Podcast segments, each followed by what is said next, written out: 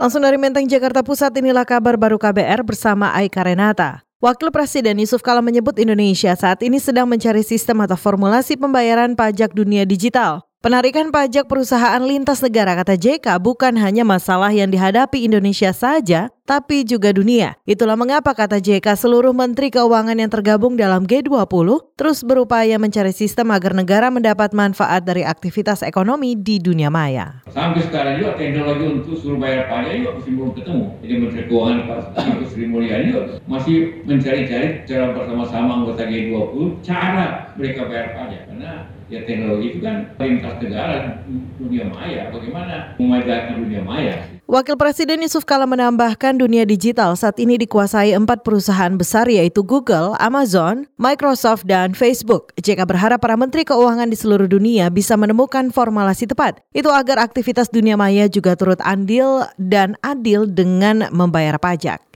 Kita beralih, Saudara Kementerian Kominfo mendorong ekonomi yang terbuka bagi siapa pun melalui digital ekonomi. Staf khusus Menteri Kominfo bidang digital ekonomi Lis Sutiati menyatakan, digital ekonomi membuat pasar tidak hanya dimonopoli oleh pemilik modal. Digital ekonomi kata Lis mampu menjadi pintu pemerataan ekonomi karena membuka peluang usaha. Contohnya bisnis transportasi dan hotel secara online. Digitalisasi itu benar-benar bisa menjadi substance yang very powerful untuk mengcreate inclusion. Mengcreate inclusion itu sebenarnya bukan membuat yang kaya jadi miskin It's just to create healthy competition. More people participating. Saudara staf khusus Menteri Kominfo Bidang Digital Ekonomi Lis Sutiati menyatakan sejumlah kendala menghadang pengembangan digital ekonomi, antara lain kompetensi STM Indonesia yang masih kurang dan masalah pendanaan.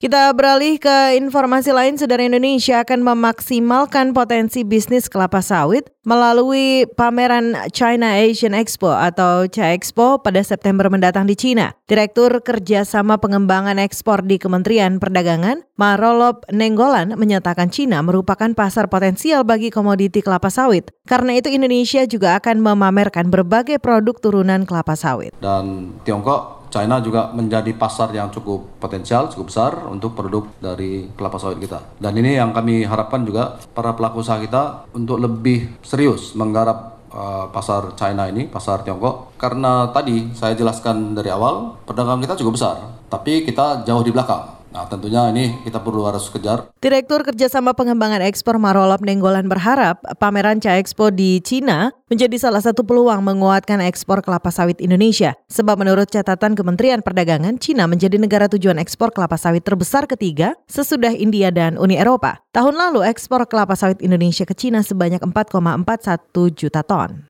Kita ke satu informasi terakhir, saudara fenomena kawin kontrak yang marak di Pontianak, Kalimantan Barat ditanggapi serius oleh Kanwil Kemenkumham setempat. Kepala Divisi Imigrasi Husni Tamrin menyatakan ada empat nama perempuan warga Kalimantan Barat dari 13 WNI di Republik Rakyat Tiongkok yang saat ini sedang diproses hukum. Mereka dituduh melarikan diri, tidak patuh pada suami hingga tuduhan tidak membayar sejumlah uang kepada suaminya yang merupakan warga Tiongkok. Mengenai kawin kontrak itu, nah sekarang juga itu harus juga ketat dimulai tingkat pengeluaran KTP-nya, pencatatan nikahnya baik di catatan sipil maupun KUA. Karena korban-korban tadi sudah saya jelasin kan, sudah ada empat, tambah lagi satu, IP itu lima, itu dari Kalbar saja. Dan ini Kepala Divisi Imigrasi Kemenkumham Kalbar, Husni Tamrin menambahkan saat ini tercatat ada empat perempuan korban kawin kontrak yang berasal dari Kalimantan Barat. Mereka adalah Yuliana Tari, Monika Afrianti, Erlina, dan Marlina. Sedangkan Ima Purianti, warga Kabupaten Sanggau yang baru saja dilaporkan oleh Serikat Buruh Migran Indonesia, laporannya belum diterima oleh kantor imigrasi. Husni mengajak